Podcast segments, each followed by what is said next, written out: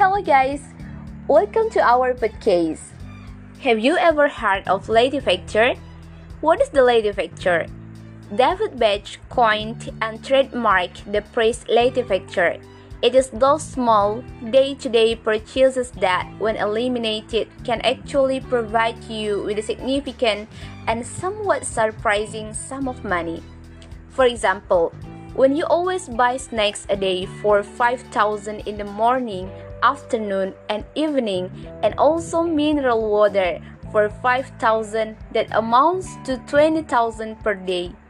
If we calculate within a month, then 20,000 multiplied by 30 to 600,000 per month or when you go to supermarkets like Indomaret or Alfamidi to buy something which is 7000 if you count it per month then it could be 210,000 if we add it all that price it will be 810,000 wow it's amazing how such a small difference each day can have a huge impact over time.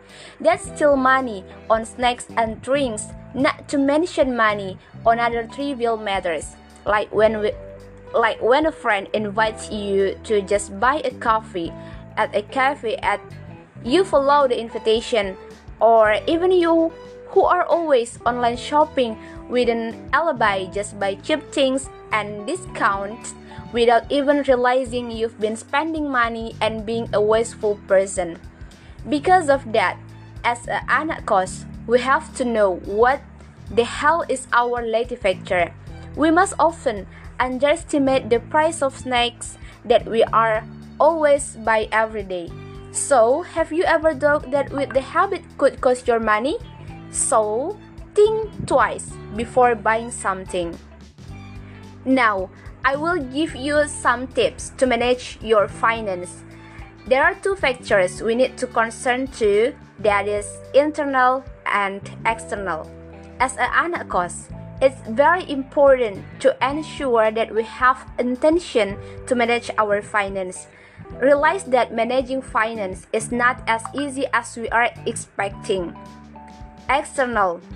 Well, after we find the intention, there are some tips to there are some tips to manage the finance. First, make your own notes, special for finance not only. Also write your expenditure target in a month. Second, write about you need and what you want. Remember that what you need is the priority you should have, but you want to is about your wishes that can be postponed. The third, before starting your day, write and bring your note which contains about what you need to buy that day and the price for case. 4. Note this. Even though you have Fourth, even though you have your list for daily activities, keep carrying extra cash just in case you experience things unexpectedly. Don't bring money too much. 5. Your note is made to keep you away from buying something you don't need. So, always remember this. And last, write down and count your expenses at night before you sleep. This is done to find out an estimate of how much you will spend in a month. Why at night?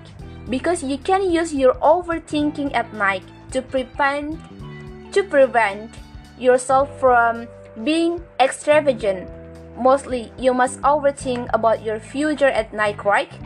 Use this positively.